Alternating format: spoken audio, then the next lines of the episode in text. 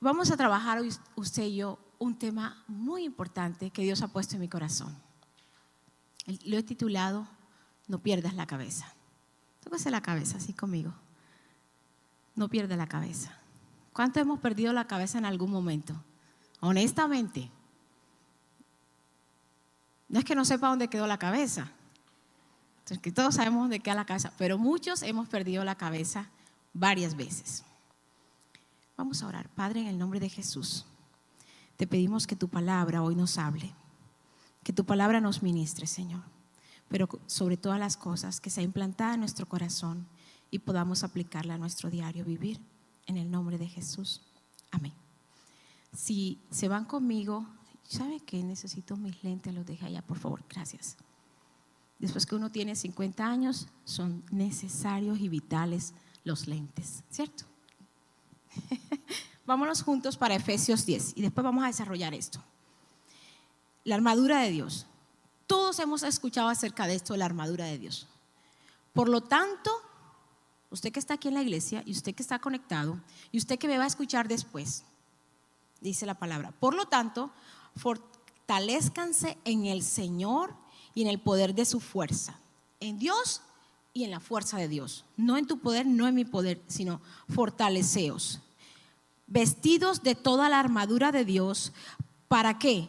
Para que puedas estar firme contra las acechanzas del diablo. Porque tu lucha y mi lucha no es contra sangre y carne, sino contra principados, contra potestades, contra todos los gobernadores de las tinieblas de este siglo, contra huestes espirituales de maldad en los lugares de allá arriba. Por tanto, toma toda la armadura de Dios ¿Para qué? Para que puedas resistir en el día malo. Y habiendo acabado todo, te mantengas firmes, con la cabeza en el lugar donde la debes tener.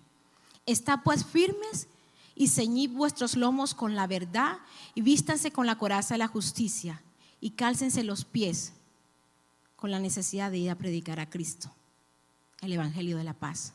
Y sobre todo, toma el escudo de la fe, esa arma poderosa que te fue entregada sin condición alguna. Toma el escudo de la fe para que podáis apagar todos los dardos del fuego del maligno y toma el yelmo de la salvación, traes la cabeza y la espada del Espíritu, que es la palabra de Dios, orando en todo tiempo con toda oración y súplica en el Espíritu y velando en ello con toda la perseverancia y súplica por todos los santos.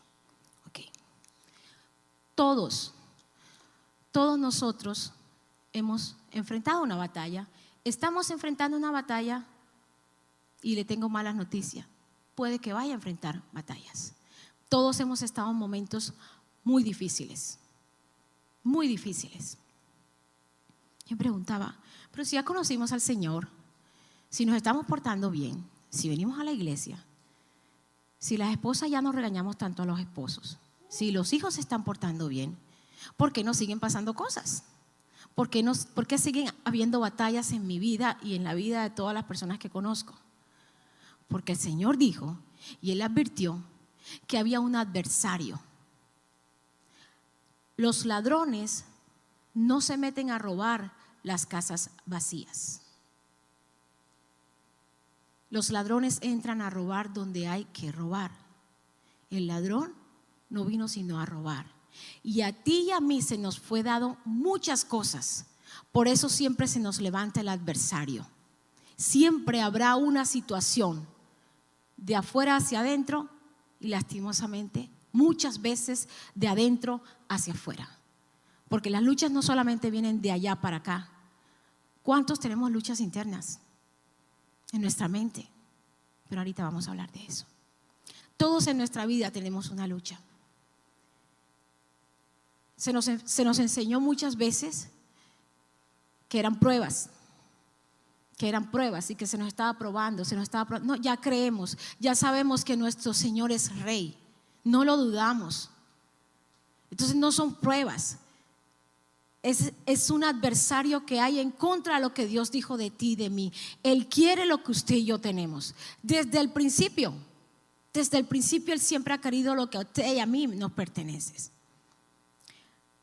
El Señor ha proclamado que te va a bendecir hoy hoy. Vamos a romper ese enamoramiento que tenemos con el futuro, Cuando estamos en noviembre nos empezamos a enamorar de enero y, los 12 meses venideros y hacemos planes en diciembre. Y ya estamos en mayo. De los que anotamos en diciembre las cosas que íbamos a hacer, les recuerdo que llevamos por el mes quinto del año lleno de promesas. Adelgazar, ahorrar, estudiar inglés, viajar, portarnos bien. Ya vamos por mayo.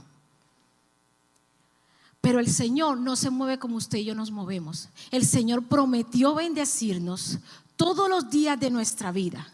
Y a razón de que el Señor ha prometido bendecirnos, Satanás se levanta en contra de esa bendición. Y Él quiere lo que a ti y a mí nos pertenece. Y entonces se nos, no, se nos levantan. Dice, porque nuestra lucha no es contra el esposo, la suegra, los hijos ¿Quién se rió de la suegra? Hoy es el Día de las Madres, pórtense bien. La tía, el cuñado. No, es contra espíritus, contra huestes espirituales de maldad. Entonces, cuando a usted se le levante alguien de la familia o del trabajo, o la amiga o el amigo, acuérdese antes de perder la cabeza de que hay alguien que está luchando en contra de la relación que ustedes tienen, en contra del plan que Dios tiene. Recuerde que una casa dividida no prospera. Él siempre va a traer división. ¿Con quién va a traer división? Con la persona que Dios me dijo que construyera. Yo no voy a tener división con el muchacho que trabaja en el 7-Eleven. ¿A poco ni lo conozco? La división la ocasiona con quien trabajamos en la iglesia con que trabajamos en la semana con nuestros hijos. Hay situaciones que a veces uno no entiende cuando hijos le dejan de hablar a las madres. Si este es el caso de usted, si usted me está escuchando, si usted va a escuchar esto, o usted está en este lugar y usted ha dejado de hablarle a su mamá y a su papá, antes de que el Señor le advirtiera en Efesios 6, 11, Efesios 6:10, que nos vistieran de la armadura, en Efesios 6:1 él dice, si usted quiere ser de larga vida, si usted quiere prosperar, si usted quiere que le vaya bien, honre a su papá y a su mamá. Porque usted se puede poner toda la armadura de Dios y usted puede tener todas las peleas y las batallas ganadas con el diablo. Pero si usted no honra a su papá y a su mamá, no le va a ir bien y no va a ser de larga vida. Qué pena decírselo, pero escrito está. El Señor dijo que nos iba a bendecir, pero es necesario estar firmes. Es necesario. Cuando se construye un edificio, los que trabajan aquí en construcción, cuando se construye un edificio, ¿qué es lo, es lo más importante después del fundamento? Las columnas necesitan estar firmes. Ahí está Danilo hablando, seguramente está diciendo que son otras cosas, no, Danilo sí que sabe de construir cosas. Necesitamos estar firmes. ¿Cuándo usted ha visto un boxeador sentarse para que le den trompadas? No, el boxeador se pone firme y si acaso pone un pie adelante y uno atrás. Venga, papito, que aquí hay, ¿o no? Firme, firmes. Acuérdese esta palabra todos los días que usted se despierte. Manténgase firme, porque en quien usted y yo hemos creído es Rey de Reyes y Señor de Señores. A mí no me llamó cualquiera parecido a que yo fuese hija, a que usted fuese hijo, a darme una familia, a darme una iglesia, a darme un trabajo, para estar sentado esperando a ver qué me va a pasar. Estad firmes, dice el Señor, porque el adversario anda buscando a quien devorar.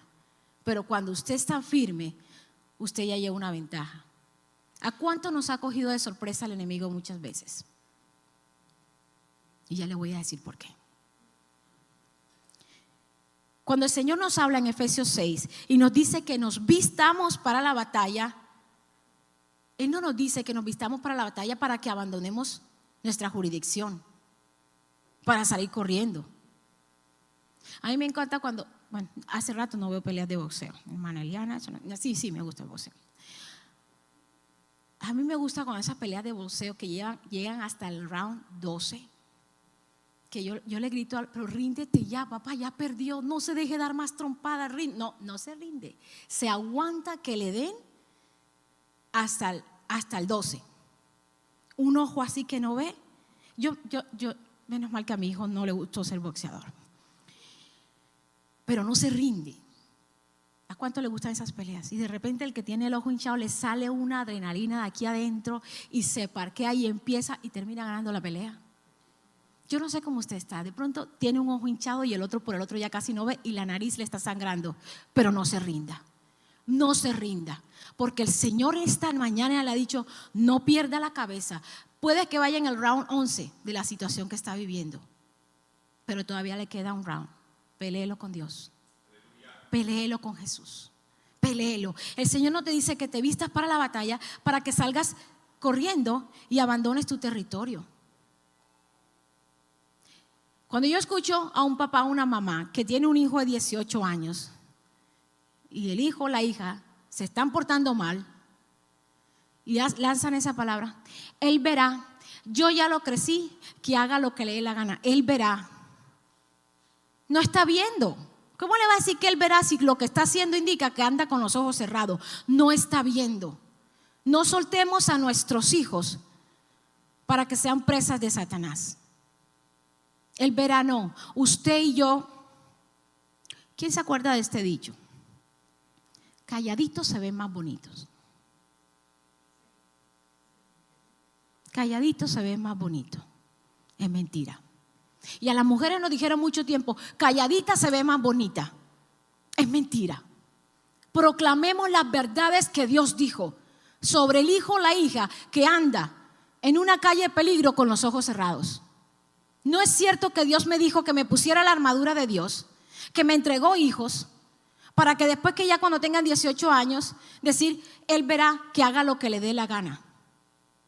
Sí, después que un hijo se va de la casa ya no mucho pudo controlar al hijo, pero lo que pasa en el mundo espiritual sí. Lo que pasa en el mundo espiritual sí, porque yo tengo una armadura puesta, porque yo soy hija de Dios, porque hoy es el Día de la Madre y yo tengo la autoridad porque yo parí a mis hijos, pase el tiempo que pase. Mis hijos ahora son más grandes y más fuertes que yo y todavía el mundo espiritual de mis hijos es muy influenciado por lo que yo declaro de ellos. No me dijo Dios que me pusiera la armadura para soltar mi jurisdicción. Mujer que me escucha, mujer que está aquí, que tiene esposo. No suelte a su marido, a su esposo. Usted tiene la autoridad. De hecho, usted es la ayuda idónea. Él sin usted anda sin ayuda. Usted es los ojos de Él. Entonces, ubíquese, como decía un chiste venezolano, ubíquese donde Dios la puso. Hacer la ayuda idónea a su esposo y no suelte la oración de su esposo. No suelte a su esposo. Sea la decisión que está tomando su esposo, no lo suelte. Que a veces quisiéramos ponerle un moñito y devolvérselo a la mamá y decirle gracias por los años que me lo prestó, le devuelvo al niño. Los hombres se ríen porque ellos saben que a veces se lo engordé, se lo enseñé muchas cosas, pero no se porta bien. Ya crecían mis otros hijos y el niño todavía no arregla. Mentira, mi, hijo, mi, mi, esposo se arregla la cama. Es importante proteger nuestra cabeza. Es muy importante proteger nuestra cabeza. Como me gustan las parejas jovencitas que escuchen esto. No se lo vaya a devolver a la mamá nunca. Ese fue el que Dios te dio y ese fue el que tú escogiste. Y cuando era alumno mío le dije muchas cosas que puede aplicar. ¿Cierto que Anthony? Es importante tener nuestra cabeza bien puesta. Hay un problema que afecta nuestra sociedad, muy grande, muy grande. Yo me he sentado a hablar con muchas de ustedes y ustedes conmigo y hemos compartido muchas cosas. Y el gran problema que, enfrentamos hoy, y toda la vida, si no prenda Netflix, es que vivimos un mundo racional basado en emociones. Basado en emociones. ¿Cómo me siento? ¿Cómo no me siento? ¿Cómo me trató? ¿Cómo me miró? no me saludó. Y no vamos a tocar el, el, ambiente de pareja. Vamos a hablar afuera. No, yo pensé que iba a llegar y no llegó. Dijo que venía y no vino. Ya viene mi suegra a opinar que por qué puse las cortinas de ese color. Entonces dígale a su mamá, por favor, que no venga. ¿Cómo le voy a decir, mamá, que no venga si ya tiene planes de venir? Yo no sé cómo va a hacer usted, pero dígale a su mamá que no venga. Y se nos olvidó lo racional. Y nos volvemos muy emotivos. Es más, habemos personas que la cabeza tiene forma de corazón, puras emociones, puros sentimientos. Ayer compartíamos las mujeres. Las que no vinieron se lo perdieron y las espero ver en septiembre. Se la perdieron. Las disculpamos porque seguramente no pudieron venir. Pero esto estuvo buenísimo. 56 mujeres que se atrevieron a salir con esa lluvia torrentosa y aprendimos muchas cosas. Aprendimos de la tsunamita, una mujer que Dios le da un hijo, ella tenía un imposible. ¿Cuántos tienen imposibles?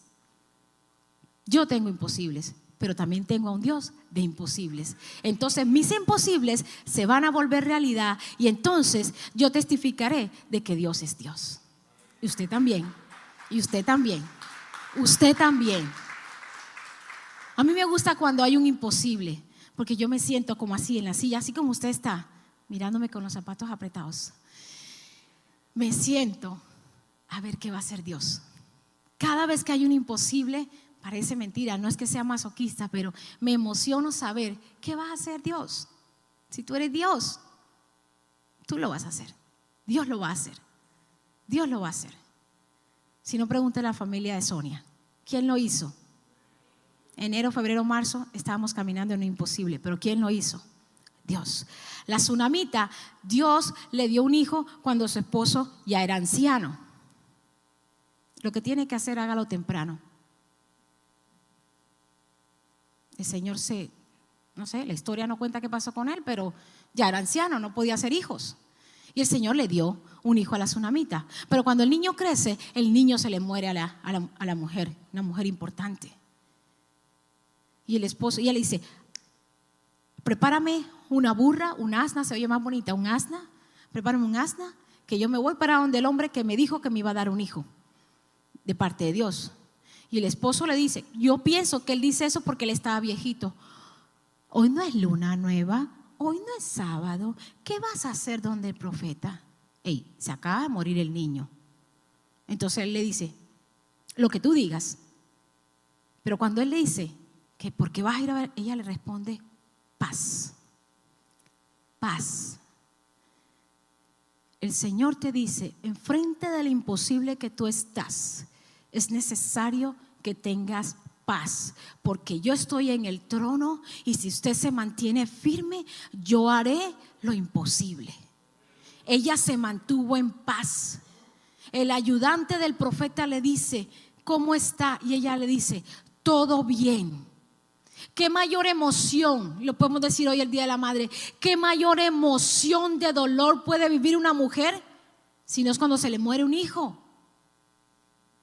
¿Qué dolor más profundo puede experimentar una mujer si no es la muerte del hijo? Y ella le dice, todo bien. ¿Sabe por qué, niño?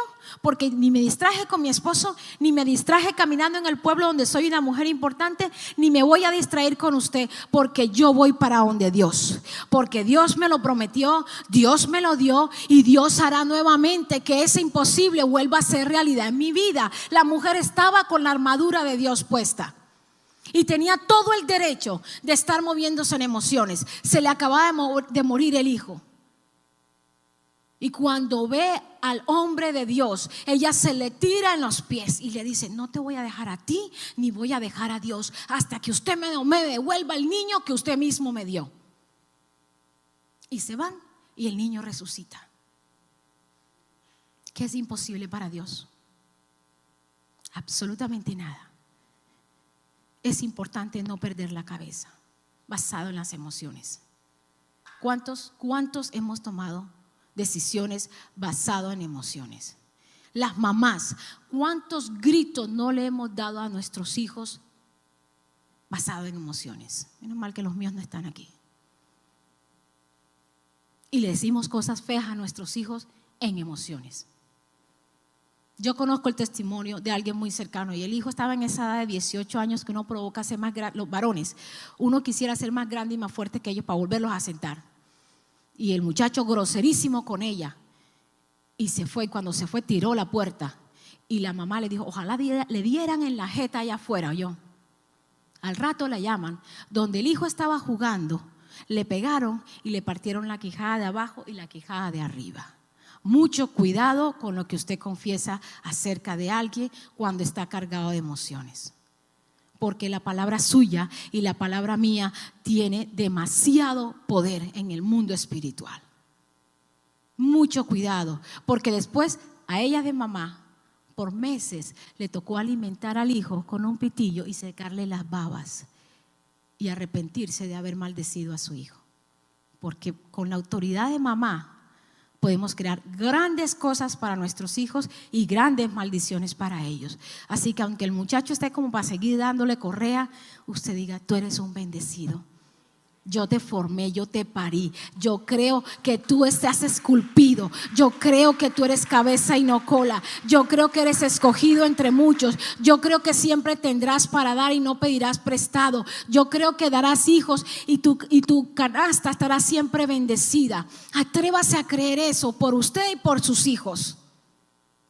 Y siempre va a haber para ellos. Siempre va a haber provisión que provoca a veces darle con la varita, como dice el proverbio, pero es que ya tiene 18 y un muchacho de 18 para bajarle los calzones está como feo. Entonces, ¿qué toca? Orar por ellos. Y muchas veces confrontarlo. ¿Qué fue lo que dijo Dios de usted? Pregúntele, pregúntele al joven suyo, ¿qué fue lo que dijo Dios de usted? Él puede salir a hacer lo que le dé la gana allá afuera, pero su mente va a estar pensando, ¿qué fue lo que dijo Dios de mí? Y el Espíritu Santo hará la diferencia. Amén.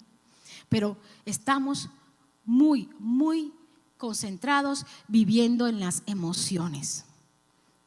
¿Cuántos nos acostamos o nos sentamos o vamos manejando pensando en, ¿y qué tal si pasa? ¿Y qué tal si no pasa? ¿Qué tal si migración me dice que no y yo me vine y yo dejé todo y ahora cómo hago? Y mis, hijas y mi familia y qué dirá la gente y qué pasará. ¿Qué pasa si me botan del trabajo? ¿Y qué pasa si dan cuenta la mentira que yo dije? Porque a veces decimos mentiras. ¿Y qué pasa? ¿Y por qué ella se atrevió a decir eso? ¿Y por qué él dijo, y lo voy a demandar, y le voy, y, la cabeza nos va dando vueltas y vueltas, y, y estamos llenos de pensamientos y nos visita la ansiedad que es la ansiedad, una anticipación al futuro, cosas que ni siquiera existen todavía. Y el cuerpo está aquí, pero los pies le llaman piernas sin descanso. Las piernas, uno, siente que los pies quieren salir corriendo y es un acelere en los pies y uno, y es más, venden mantas pesadas para ponérselas para que las personas no tengan esa ansiedad de querer salir corriendo y se sientan apretaditos. Porque es una persecución mental de las emociones. Y se nos olvida vivir por lo que dijo Dios. Se nos olvida volver a retomar. Él dijo que te iba a bendecir. Él dijo que te iba a prosperar. Él dijo que te iba a sanar. Pero Satanás anda, anda como león rugiente. Él no es un león, pero pretende. Él anda disfrazado. Él anda como león rugiente buscando a quien devorar. ¿Y sabe usted qué quiere Satanás de usted? Él no quiere su trabajo. Él no quiere nada de las cosas materiales que usted tiene en la mano, enfrente suyo o en su casa. El enemigo lo que quiere es lo que usted tiene aquí. Lo que usted sabe, lo que dijo Dios. Él quiere lo que usted sabe. El conocimiento que Dios ha depositado en tu vida, Él quiere robártelo. Y una vez Él roba el conocimiento, ¿acaso no lo hizo con Eva? No le robó lo que Dios le había dicho y se lo cambió por una mentira. Él quiere lo que ya usted sabe. Usted sabe que Dios es su sanador. Usted sabe que Dios dijo en su palabra que tus hijos serían como columnas esculpidas. Usted lo sabe. Usted sabe que si usted se muere, usted va a descansar en los muertos. Y, como decía la alabanza, Y Él volverá y usted y yo le veremos. Usted lo sabe. Pero ¿qué quiere Satanás? Robarse las verdades que nos llevan a vivir la vida que Él nos ha prometido. Y entonces vivimos en emociones. Vivimos en emociones todo el tiempo. Y nos ministra la mente con emociones. Yo no entiendo, créame, hoy no es el Día del Padre, pero yo no entiendo cómo es posible que todavía en el 2022, el Día del Padre, pongan la canción Viejo, mi querido viejo, y se pongan a llorar. Es emoción. Y al viejo hace rato ni lo visitan. Y culturalmente, los que llevan flores al cementerio, al viejo hace años que no le llevan unas flores al cementerio. Es más, no se portan a la medida de lo que fue el viejo. Pero el día del Padre, viejo, mi querido viejo, yo soy tu sangre, mi viejo. Cambien la canción. Es más, a mí me, mira, y me dicen, mira, se me paran los pelos con esa canción. De viejo, mi querido viejo. Sí, al Señor, al papá hay que honrarlo. Y la mejor manera de honrarlo, usted siendo mejor que Él. Y formando a sus hijos mejor que usted. Y formando a sus nietos mejor de lo mejor de lo mejor que fue el viejo. Que el apellido que usted cargue cada día sea más honroso. No una canción. Que las acciones que usted haga donde nadie lo ve, honre a ese señor o a esa señora que ya no está. ¿Qué mejor manera de honrar a doña Eva? Haciendo iglesias haciendo iglesias. ¿Por qué, las, ¿Por qué las sillas están vacías? Porque yo no traje una invitada hoy y usted tampoco. Es la mejor manera de honrar a quien hizo iglesias, trayendo gente a la iglesia. Pero las emociones nos ganan. Está lloviendo, hace frío, si la invito no, no viene, no, y si salen esas alabanzas que no me gustan, o si predica Eliana que dice unas cosas, mejor no, mejor no. Y entonces no trajo a la persona invitada. Yo le dije a Juan Carlos, él no pudo venir porque hoy es el Día de las Madres, hay mucho trabajo en el restaurante. ¿Estás seguro que quieres que yo predique hoy? Sí, bueno, es el Día de las Madres. ¿Estás seguro que yo quiero que predique hoy? Me dijo, sí, hazlo. Yo voy a predicar para que no pierdan la cabeza. Ay, no, ese título, ¿cómo así que no pierdan la cabeza en un Día de la Madre? Y yo, pues usted me dijo que va a predicar. No pierda la cabeza. Por las emociones no pierda la cabeza mujeres, nosotras molestamos bastante. Digan amén. Nosotras molestamos muchísimo. De día, de noche sin parar. Prende el abanico, apaga el abanico, está haciendo frío, hace calor, cierra la ventana, sube la ventana, roncaste toda la noche, no me dejaste dormir, te dije que trajera huevo, azúcar y leche y nada más trajiste la leche. Es más, no trajiste nada ya pagaste, se me olvidó, viste, ahora me toca pagar late fee. Y de ahí para abajo, no, peor, mírame cómo estoy de gorda, no quiero ir, no tengo ropa, qué fea me veo. Y ellos derretidos por nosotros. Una hermana se me tapó la cabeza, yo creo que Dios le está hablando a ella. No tengo nada que ponerme, otra vez vamos a poner tu mamá. ¿Por qué manejas así? No mires el teléfono. Otra vez fútbol. No hay otra cosa más que hacer con tanto que hacer y otra vez estás mirando fútbol. Yo te dije que le dijera, pero no dijiste nadie, pues la culpa la tengo yo. Eso nada más pasa en mi casa. En toda la casa ustedes pasan. En todas las casas de ustedes pasan. ¿Sabe cuál es el problema? Que somos puras emociones. ¿Por qué mujeres machucamos tanto al hombre que Dios nos dio para bendecirnos? ¿Por qué lo molestamos tanto? ¿Pero por qué? Porque nos volvimos adicta a las emociones. No nos ha funcionado. De verdad que molestar a mi marido, a mi esposo, no me ha funcionado. Y tengo ya casi 30 años molestándolo. ¿Por qué no cambio? Porque soy muy emocional soy muy emocional. De verdad, Juan Carlos, me voy a poner tacones y te vas a parquear al lado de la grama. Cuando me voy a montar al carro, se me meten los tacones en la grama. No es justo. Y queda mirando, en serio, bueno, espérate, y déjame muevo el carro. Se va moviendo el carro y se paró en toda la calle. de verdad, mejor te hubiese parqueado en la esquina, que lejos te parqueaste y estoy en tacones. ¿Usted sabe qué hace él? Él carga con zapatos bajitos míos para que no moleste tanto.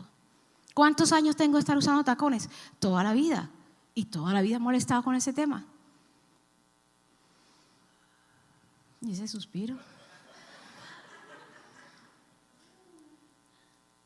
Ahorita empieza a salir el calor y comienza él con el tema del asado. ¿Y usted sabe qué es lo que más me preocupa de los asados de Juan Carlos? Que entra y sale el patio con la puerta, me deja la puerta y se me meten las moscas. A mí no me molesta ni el mugre, ni el olor, ni el desorden, la mosca. Y él es encargado de sacar la mosca. No nos podemos ir a dormir porque si me quedo con la boca abierta se me mete la mosca, es culpa tuya. Tiene que sacar la mosca. Y usted ve a Juan Carlos con un trapo correteando la mosca por toda la casa. Dígame, ¿qué necesidad, como decía Juan Gabriel, pero qué necesidad hay de molestar tanto? Y hoy es el Día de las Madres y me suponía portarme bien con las mujeres. Pero somos de mucha emoción y no somos racionales. Yo sé que la mejor manera de desestresarse mi esposo es frente a un asador. A mí me conviene que mi esposo esté desestresado, porque la sangre, vamos a ser racionales, la sangre le circula mejor. Quédese aquí conmigo pensando lo que debe pensar. La sangre le circula mejor, su corazón está saludable y voy a tener marido por muchos años. Pero si mi marido yo lo estreso cuando llega a casa, más el estrés que trae de la, de la calle, más el estrés que trae de sus propias emociones, cuando llegue a los 60, usted se va a arrepentir de haberlo mandado a matar tantas moscas. No seamos Mire, es que yo, yo, menos mal que él no está, porque si no, estuviera aplaudiendo. He molestado demasiado pero esa razón de las emociones. He sido, y usted también, demasiado emotiva. Y no hablemos de hormonas. Es una decisión. Usted y yo tenemos que tomar la decisión. A mí me gusta acostarme a las 9, 10 de la noche y levantarme a las 5 de la mañana. A él le gusta levantarse a las 8 de la mañana y acostarse a la 1 de la mañana. Todos los días es la misma pelea. Todos los días vámonos a dormir. Y él me dice, no me mande a dormir que usted no es mi mamá. Entonces yo le digo, vámonos a dormir rápido porque nos tenemos que levantar rápido. Me dice, de verdad, Liana, tenemos que dormir rápido. ¿Cómo se duerme rápido? Yo, porque es que hay que levantarnos temprano. Y él me dice, a las, a las seis de la mañana, el pobre es un mártir. Le dice, Dios mío, ¿por qué tengo tanto sueño? Y yo me lo quedo mirando, ¿a qué hora te quedaste dormido? Viendo fútbol, ¿verdad? Pero a él le hace feliz eso. Si a él le hace feliz, ¿por qué yo soy infeliz si dormimos en la misma cama? Y él es el que paga la casa. Cambiemos el tema de ser tan emotiva porque yo no, no tengo ni muchos aplausos ni me está yendo bien.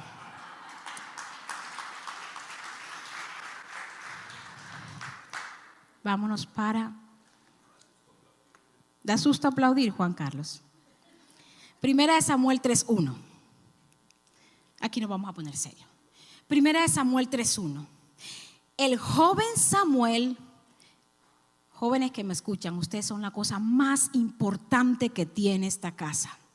El joven Samuel ministraba a Jehová en presencia de Elí, el sacerdote, la cabeza.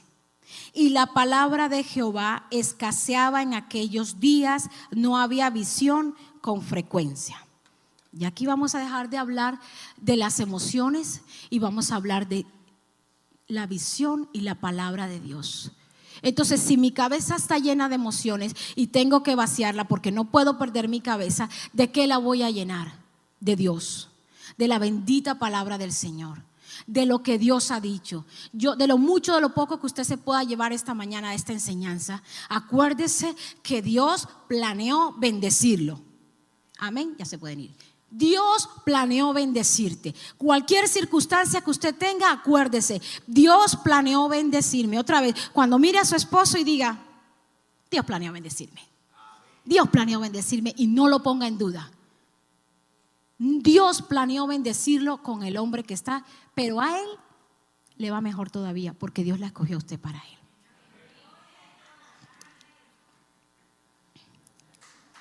¿Qué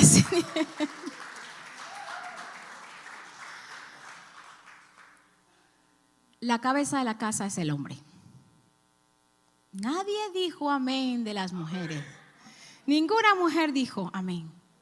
La cabeza habla de liderazgo. ¿Usted sabe por qué yo preparé este mensaje? Porque yo necesito que los hombres estén bien puestos. Cuando el hombre está bien puesto, todo lo demás fluye. Cuando la mujer se pone en el lugar del hombre, sufre de tortícolis. Usted, ha visto cuando le da tortícolis, ¿verdad? Así hay hogares. El hombre está así y la mujer lo mueve para donde ella quiere. ¿Y usted cómo cree que van a ser sus hijos cuando sean esposos? ¿Y usted cómo va a creer que la nuera lo va a tratar como usted trató a su marido? En mi casa no hay tortícolis. Moscas se hay en verano, pero tortícolis no hay. La cabeza habla de liderazgo. Entonces ahora voy con ustedes, hombres. Dejen las emociones. Dejen los miedos. ¿Usted sabe por qué no tiene el negocio que usted anhela? ¿Por qué sus hijos no lo quieren imitar a usted? Porque usted se ha movido también en muchas emociones. A usted se le olvidó que Dios lo formó, lo formó a imagen de Él. Usted tiene el poder para levantar. Si usted le dio Dios hijos, Dios sabía que usted podía formar sus hijos. Mejor que usted y mejor que su padre. Y que usted podía crear herencia para ellos. Y que usted podía crear un legado. Pero emocionalmente le dejamos a las mamás la enseñanza de los hijos, la formación de los hijos, porque yo estoy ocupado afuera trayendo el pan, la popusa o la arepa. Llegue a casa todos los días a la hora que sea y asegúrese que su hijo o su hija está bien. Modele que usted es la cabeza de la casa y cuando su hijo salga de su casa, su hijo va a modelar que él es cabeza de una nueva generación.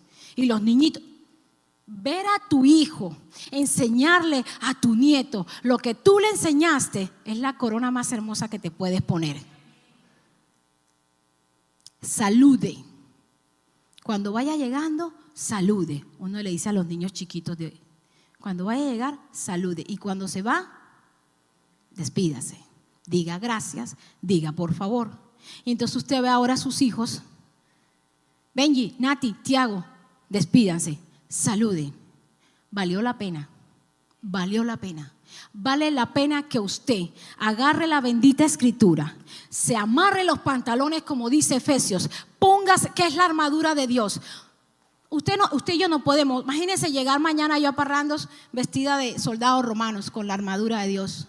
No va a pasar. La armadura de Dios, usted no ha venido los miércoles, pero aquí se ha enseñado la armadura de Dios, es carácter. Es carácter. El carácter no se aprende en un nightclub. Allá se pierde el carácter. No voy a hablar de eso porque no se oye bonito. El carácter se aprende en la escritura. La escritura te enseña a callar, la escritura te enseña a hablar, la escritura te enseña a perdonar. Papá que me está viendo y que usted está aquí, la mejor forma de ser papá es sirviendo en casa. Sírvale a sus hijos no como un sirviente, como un papá, como un mayordomo. Sírvale a sus hijos, eso lo aprendimos de Pastor Wilmer. Sírvale a los hijos y los hijos le servirán a usted. El hijo da la evidencia al padre. Cuando un hijo busca a un padre, cuando se siente cómodo con el padre. Él se siente cómodo con el papá. Papá, yo tenía un problema con una muchacha.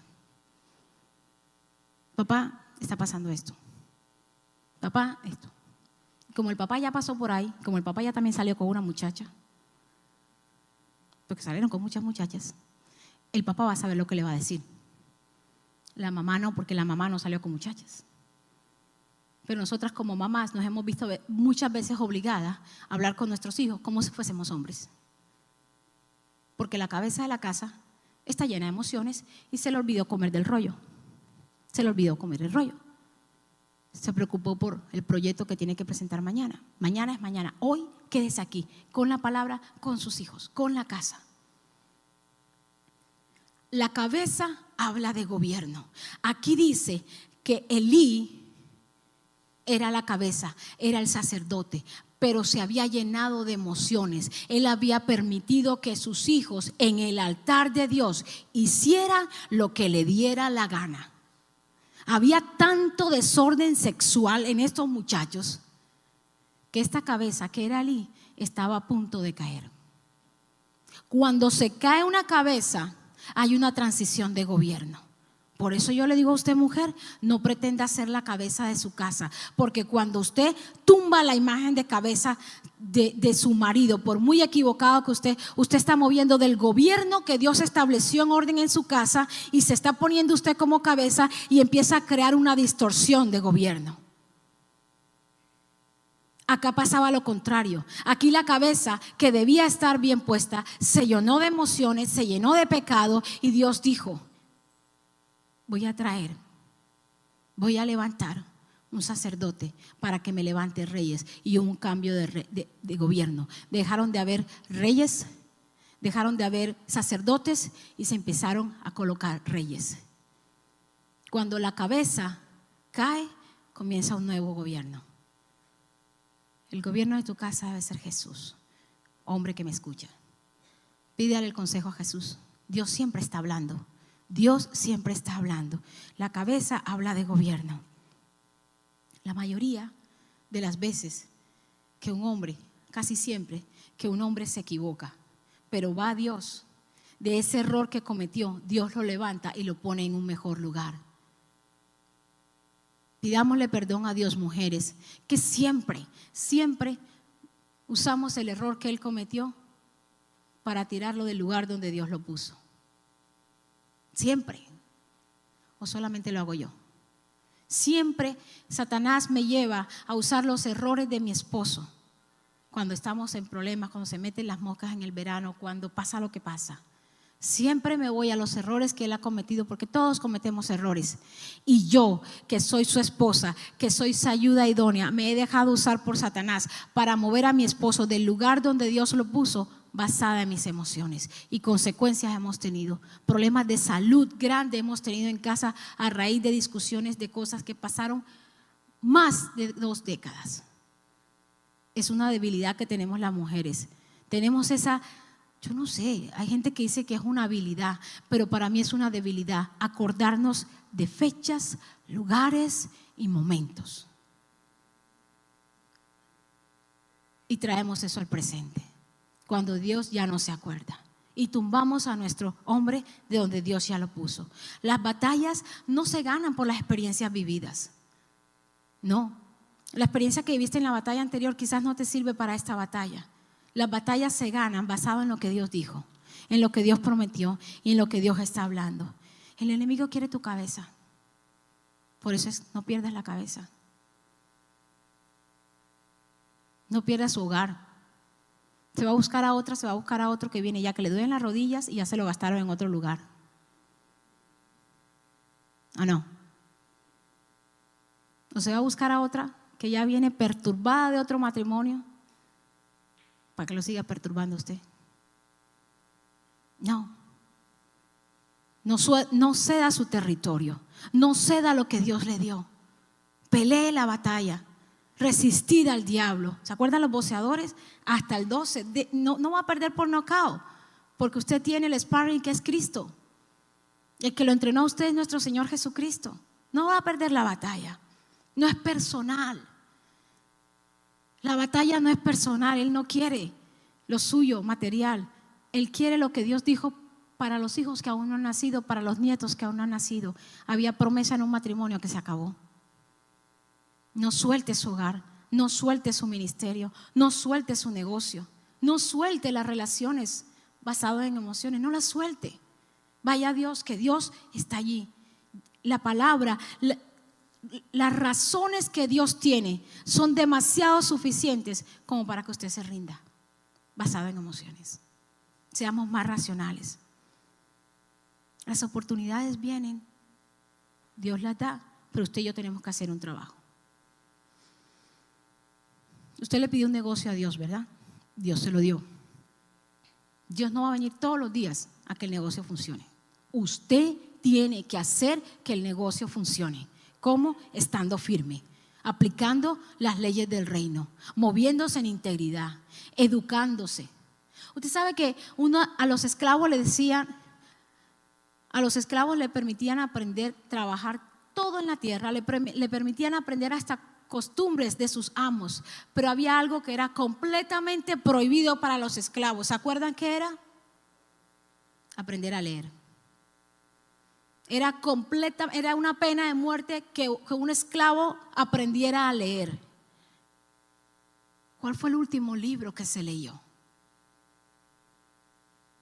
No es innato, no es innato saber todas las cosas. Es necesario instruirse, es necesario leer, es necesario aprender cosas nuevas. No podemos quedarnos solo con lo que se nos enseña aquí el domingo, porque el miércoles ya se nos olvidó. Leamos libros, leamos palabra, Tomémonos un café o un agua de panela, lo que usted quiera, con gente que sea más inteligente y más sabio que usted. Júntese con gente que sepa más que usted para poder aprender.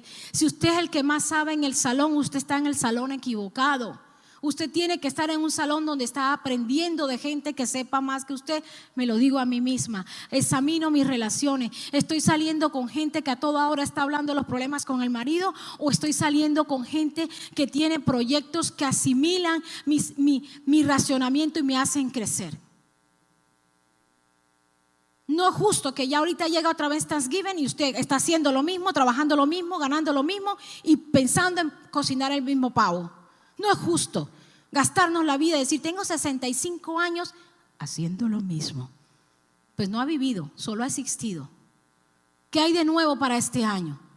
Ah, que ya es mayo, pues todavía le quedan siete meses y a mí también. ¿Cuál es el reto que usted tiene que no lo hace? ¿Por qué, ¿Por qué está sentado cuando puede estar firme? ¿Por qué? ¿Quién pelea sentado? Nadie pelea sentado que yo sepa, de pronto hay gente que pelea sentada consigo mismo. Pero las batallas se ganan firmes, de pie. Hay muchos libros acerca de las batallas. Y hay batallas que ni siquiera hay que pelearlas para ganarlas. El arte de la guerra, les recomiendo que se lea ese libro. El arte de la guerra. Hay palabras que se ganan solo sabiendo quién es usted. Usted ve a un león y el león no le tiene que decir a usted lo que es capaz de hacer. Usted sabe lo que es capaz de hacer el león. Satanás sabe lo que usted es capaz de hacer cuando está firme en Cristo Jesús. Satanás lo sabe. Pero también sabe lo que puede llegar a ser usted cuando usted está en una bola de emociones. También lo sabe. Entonces usted decide si se sienta a llorar en las emociones o si se pone firme con lo que Dios dijo de usted. Cuando le pasen cosas, entienda que no es personal. No es, no es personal, y ya lo dije. No es personal. No fue lo que Dios dijo de usted y de mí. Vivir de problema en problema, de situación y situaciones y de dolor en dolor. Dios te ha llamado a una vida victoriosa, a una vida, ¿cómo dice la palabra? Que vamos de aumento a aumento hasta que el día es perfecto. Me fui a tomar un café con una amiga. Ella tiene 55 y yo tengo 50. Ay, nena, a esta edad, ¿para qué te pones a inventar tanto? Ay, yo empecé a mirar para allá y miré. yo pensé que alguien más había sentado y que ella estaba hablando con alguien más, pero conmigo no. No puedo a la edad que sea decir que ya no tengo más nada que hacer. El ejemplo más grande era doña Eva. ¿Ustedes la vieron montada en ese caballo? Juan Carlos, Juan Carlos un atrevido, él decía, yo creo que en tu juventud usted fuiste una guerrillera. Bueno, ella a sus 80, 90, 80 y tanto volvió a Colombia, ¿verdad? A los 90 y algo, y mandó, le mandó esa foto a Juan Carlos montada en caballo. Y le dijo Juan Carlos, yo sabía que ella era una guerrillera. A sus 92 años montada un caballo, a los 90. Ah. La llevamos de emergencia al hospital y la enfermera le dijo que se quitara la blusa y, ella le dijo a Juan Carlos, no te vas a salir del cuarto. Y Juan Carlos le dijo, para lo que hay que ver. Y sabe que le dijo, y hay que ver bastante. A sus 80, tenía como 89 años cuando llamamos de emergencia al hospital. Hay que ver bastante y hay que hacer mucho. Así que a mí a 50 no me diga, ya, ¿por qué inventa tanto? No, señor. O sea, y si, no, si usted a sus 65 años dice, ya no voy a hacer más nada, mi pregunta es, ¿qué va a hacer entonces si no va a hacer más nada? Volverse viejo. Volverse viejo. Usted un carro que tiene 150 mil millas, lo parquea seis meses. Cuando lo vuelve a coger, ¿cómo está el carro? Re viejo. Pero cuando usted le está dando 150 y tanto millas, el carrito se mantiene bien, ¿verdad? Entonces no hay tal cosa que usted ya está, ya hizo mucho y ya usted está cansado. Sea la edad que tenga. ¿Usted sabe cuándo es hora de descansar? Cuando nos morimos. La Biblia dice que descansaremos hasta la resurrección de los muertos. Entonces, ¿usted cómo se va a sentar a descansar a los 50 o a los 60? Oh, ya mis hijos se graduaron, ya se fueron, entonces yo ya no hago más nada. Siempre va a haber algo que hacer. Siempre. Siempre va a haber alguien a que ayudar, siempre va a haber alguien que aconsejar y siempre va a haber algo nuevo que aprender. ¿Sabe usted que Amílcar es retirado, verdad? ¿Sabe usted que Amílcar sabe eh, eh, pelear lucha libre? ¿Sabe usted que Amílcar sabe ah, comunicarse en, señales de lengua? ¿Y cuántas cosas más no sabe Amílcar? Y no es tiempo de descansar, Amílcar, ¿cierto? Usted le viera jardín a Amílcar. Entonces, ¿cómo nosotros a los 50 vamos a decir, no, ya no, o a los 60? Hay mucho por hacer, demasiado, y el Señor quiere que hagamos mucho. El Señor quiere que hagamos mucho. En Génesis, y ya vamos a terminar, todo comienza por la cabeza. Todo comienza por un pensamiento. Todo comienza por la cabeza. ¿Qué es Cristo? La cabeza de la iglesia. ¿Qué es Cristo? La cabeza. En Génesis 3, 15. ¿Cuál fue la promesa que Dios le dio a usted y a mí por andar de motivas? ¿Cuál fue? ¿Quién lo lee? ¿Quién me lo lee? Yo lo puedo leer si, no, si nadie no lo tiene. Génesis 3:15. Y pondré enemistad entre ti y la mujer, entre tu simiente y la simiente suya. Esta te herirá en la cabeza. Yo, usted, mi generación, fuimos llamados a través de Jesucristo a ponerle la cabeza, los pies en la cabeza a Satanás. Y no es justo que veamos personas andando como si Satanás le pusiera el pie en la cabeza todas las mañanas, cuando fue una promesa que Dios, y quiere que le muestre dónde Dios cumplió esa promesa. Vámonos y con eso vamos a terminar. Si la alabanza me colabora, tal vez con la última alabanza que estuvo preciosa, como ustedes lo tengan practicado. Mateo 27, 11. Mateo 27, 11. ¿Dónde estoy? Aquí estoy. Mateo 27, 11, porque todo comienza por la cabeza. Pilato interroga a Jesús. Es un momento muy doloroso para la humanidad, para Jesús, pero Jesús no se dejó llevar por las emociones. Yo le decía a las mujeres ayer, si Jesús se hubiese dejado llevar por las emociones, él ya tenía 40 días de hambre, de ayuno. Tenía 40 días en el desierto. Y Satanás se le aparece y le dice, voy a tocarte las emociones.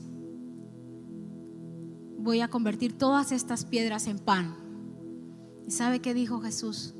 Él razonó, no se dejó llevar por las emociones. Porque si él se deja llevar por las emociones, convierten todas las piedras en donas en pancakes, en pupusas y en arepas, en tortillas calientitas. Pero él dijo, no. Escrito está que no de solo pan vivirá el hombre. No es lo que estás viviendo de lo que vas a vivir. No de lo que estás viviendo es lo que comerán tus hijos, sino de lo que dijo Dios. No del dictamen médico va a ser el resultado. No lo que ves tus hijos, es tu destino. Es lo que dijo Dios. Miren que dijo Dios. Jesús pues estaba en pie delante del gobernador y éste le preguntó diciendo, ¿eres tú el rey de los judíos? ¿Qué le dijo Jesús? Tú lo dices. Y vamos al 29. Y le pusieron sobre su cabeza una corona tejida de espinas para burlarse porque él era el rey de los judíos. Y cuando llegaron a un lugar llamado Gólgota en el 33, estoy saltándome porque es muy, dice, y pusieron sobre su cabeza una corona tejida de espinas y una caña en su mano derecha, e hincando la rodilla delante de él, le arrancaban la carne diciendo, sálvese el rey de los judíos. Y le escupían y tomaban la caña y le golpeaban la cabeza. Y después de haberle arrancado las carnes, le quitaron el manto y le pusieron sus vestidos y lo llevaron para crucificarle. ¿Saben a dónde lo llevaron? Al rey de los judíos. A nuestro rey. Si se quiere poner de pie, póngase de pie. ¿Sabe dónde lo llevaron? A un monte donde había otro rey, a un monte, que era el monte de la muerte, el Gólgota. Ahí llevaron a nuestro rey, que hablábamos ahorita. Cuando se cae una cabeza, es un cambio de gobierno. Satanás estaba a punto de, de, empezar a experimentar su derrota cuando nuestro Señor Jesucristo, no mirando tus emociones, ni las mías, ni las de Él mismo, dijo al Padre, no pases esta copa de mí, si hay que obedecer, yo lo hago. Y le arrancaron, las carnes que forraban sus costillas fueron arrancadas. Y lo llevaron a un monte al monte de la muerte, al monte Gólgota. Empezaba un cambio de gobierno. Y le dieron de beber vinagre mezclado con hiel, pero después de haberlo probado, él no quiso beberlo. Cuando lo vieron crucificado, repartieron sus ropas echando suertes para que se cumpliese lo que dijo el profeta, que partieron sus vestidos y pusieron sobre su cabeza su causa escrita. Este es Jesús, el rey de los judíos. Y nuestro rey resucitó. Y nuestro rey nos mandó no a vivir por emociones. Él te mandó a ti y a mí. Y le dijo a los, a, los, a los apóstoles, todavía no prediquen de mí. Vayan a Galilea. Serán investidos de poder. Y yo estaré con ustedes todos los días del mundo.